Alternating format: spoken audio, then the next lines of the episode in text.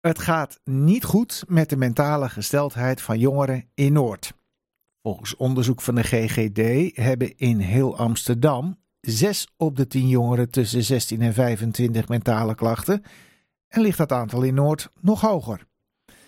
Aan de telefoon Jules van Hoof van de GGD die onderzoek doet naar dit probleem. Mevrouw van Hoof, goedemiddag. Goedemiddag. Ja, 6 op de 10, dat uh, klinkt enorm, maar ja, wat verstaan jullie eigenlijk onder mentale klachten? Uh, ja, dat is een, een soort verzamelterm voor uh, van allerlei soorten vragen die we gesteld hebben in, in vragenlijsten.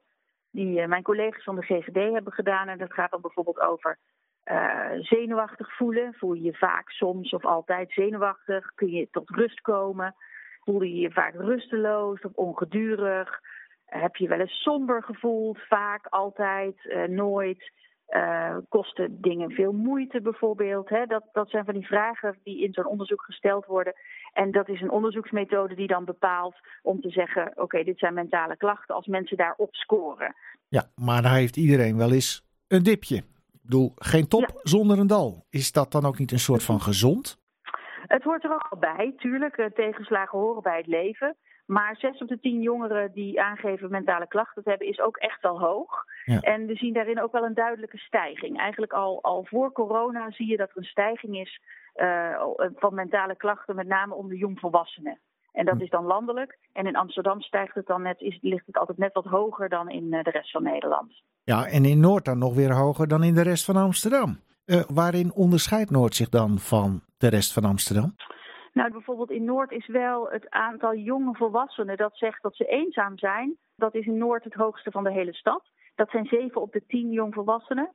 Um, en bijvoorbeeld ook um, minder snel herstellen. Hè? Dat is ook iets waar we naar vragen. Van na een moeilijke periode in je leven kun je dan weer snel herstellen. En daarvan zegt ook in stadsdeel Noord, zeggen jongvolwassenen dat ze het minder snel herstellen dan de rest van de stad. Ja, en is er nou nog een verschil tussen jongens en meiden in dat opzicht? Meisjes geven vaker aan dat het slechter met hun gaat mm -hmm. dan jongens. Ja, maar u zegt al, uh, ze geven het vaker aan. Uh, betekent dat dan ook per definitie dat ze inderdaad ook minder gelukkig zijn? Of dat ze dat wat makkelijker aangeven? Dat durf ik niet te zeggen. Um, het zou kunnen dat als je een andere vraag stelt, uh, dat jongens dan anders antwoorden of zich er ook in herkennen. Of dat ze misschien jongens op een andere manier naar hun eigen gevoelens kijken. Of die durven te erkennen voor zichzelf of woorden daaraan geven bijvoorbeeld. Dat, dat weten we niet. Ja. En in zijn algemeenheid zijn er dus meer problemen in Noord. Zijn die ook uh, te koppelen aan de situatie hier in Noord? Ja, de omgeving heeft natuurlijk wel een grote invloed op je mentale gezondheid. Dus groei je op in een heel druk gezin, in een omgeving, een stadsomgeving die heel druk is, met weinig groen bijvoorbeeld. Het heeft te maken met ook uh, armoede. Groei je op in een wijk waar veel uh, mensen wonen zonder baan, die geen werk hebben. Uh, waar er veel vuil op straat ligt, waar er veel criminaliteit of onveiligheid is. Dat zijn dingen die, die wel meespelen, zeker. En uh, nou, daarbij heeft ook het college van, uh, van de burgemeester en wethouders heeft ook besloten, we gaan ook inzetten echt op die, die wijken en die stadsdelen die minder goed scoren als het gaat om echt alle gezondheidsonderdelen. En dan komen we uit het Noord, Nieuw-West en Zuidoost. Dus daar werken wij vanuit, vanuit de GGD via het mentale gezondheidsprogramma Thrive werken we daar ook vooral op die drie stadsdelen. Uh, thrive, zegt u. Uh, dat betekent zoiets ja. als floreren. Dat klinkt een beetje als het uh, tegenovergestelde van wat we net beschreven hebben. Ziet u nog wel kans voor jongeren in Noord om te gaan floreren met deze cijfers?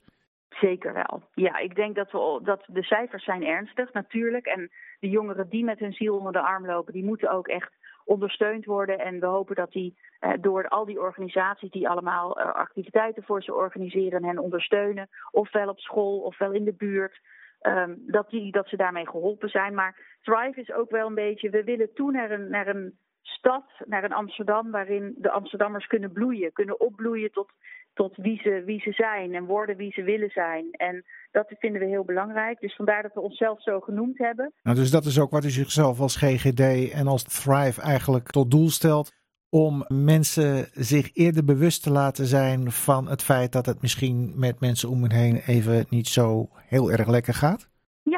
Eigenlijk dat precies. Van dat het even niet zo lekker kan gaan. Er zijn ook mensen met wie het heel lang helemaal niet goed gaat. Hè? En Mhm. dan, dan helpt het niet om even te praten. En dan, zijn er echt, dan moet je echt naar de huisarts. En dan moet je gewoon professionele hulp inschakelen. Maar als je je tentamen hebt gehaald, of je maakt je zorgen over eh, je toekomst op je werk, of je kan geen huis vinden, of je kat is heel erg ziek. Dat zijn allemaal dingen die voor, op individueel niveau natuurlijk heel veel invloed kunnen hebben op je mentale gezondheid. En dan is het fijn als dat een langere periode duurt. Um, ik zou wel eens met iemand willen praten, maar hoe doe ik dat dan? En ik vind bij mijn vrienden praten een beetje spannend. Dan zijn er ook uh, ervaringsdeskundige jongeren bijvoorbeeld, die, waar je terecht komt op een aantal plekken in de stad om gewoon eens mee te kletsen. Je kunt ook chatten met, met een hulplijn. Uh, om met een professional eens te vragen van ben ik wel normaal? Is dit, is, hè, ik worstel hiermee, ben ik nou raar? Of wat zou ik kunnen doen? Of hoe ja. zou ik nou hulp kunnen vragen? Ja. Dus op die manier proberen we wel echt die handvatten aan te reiken van goh, hè, dipjes horen bij het leven, tegenslagen horen bij het leven. Um, maar we hopen dat, dat we mensen daar uit, uitweg kunnen bieden om gewoon net wat beter voor zichzelf te zorgen. En dat de stad beter voor hen gaat zorgen, zodat ze niet in die neerwaartse spiraal terechtkomen en het alleen maar erger wordt. Ja. Tot slot, welke boodschap zou u uh, mee willen geven aan jongeren met mentale problemen en aan hun omgeving? Um, nou ja, ik zou dus willen zeggen van ben je ervan bewust dat je sowieso, je bent niet de enige. En dat het heel logisch is dat je je best rot mag voelen over bepaalde dingen. Maar dat er ook mogelijkheden zijn om wel stappen te zetten om voor jezelf, om beter te zorgen. En ook dat je stappen kunt zetten voor een ander, zodat die zich beter voelt. Dus dat je met elkaar, door bijvoorbeeld erover te praten of samen iets te gaan doen of naar elkaar te luisteren, dat je met elkaar samen uh, nou ja, die veerkracht weer kunt vinden. Ja. En daarbij zou ik ook willen zeggen dat als jongeren uh, ideeën hebben over, nou, ik zou dit wel leuk vinden, of ik heb daar behoefte aan, of ik zou daarover wel met een organisatie willen denken, stuur ons een mailtje. Uh, dan verbinden wij je aan organisaties in Noord die het heel erg fijn zullen vinden om ook van jongeren zelf te horen. Daar hebben we behoefte aan. Of als jullie dit zouden organiseren voor mij en mijn vrienden, dan zou ons dat enorm helpen. Dus um, dat is, uh, nou, mag, misschien mag ik het uh, met mailadres ja, gewoon graag. Gelijk maar even, ja. Ja, dat is, uh, dat is Thrive Amsterdam. Dus dat is T-H-R-I-V-E, Thrive Amsterdam aan elkaar. Thrive Amsterdam, apenstaartje ggd.amsterdam.nl. Dan koppelen we je aan een organisatie en dan komen er vast mooie dingen uit. Goed, mag ik u heel veel succes wensen met uw bemiddelingen en bewustmakende werk. Yes, dank u wel.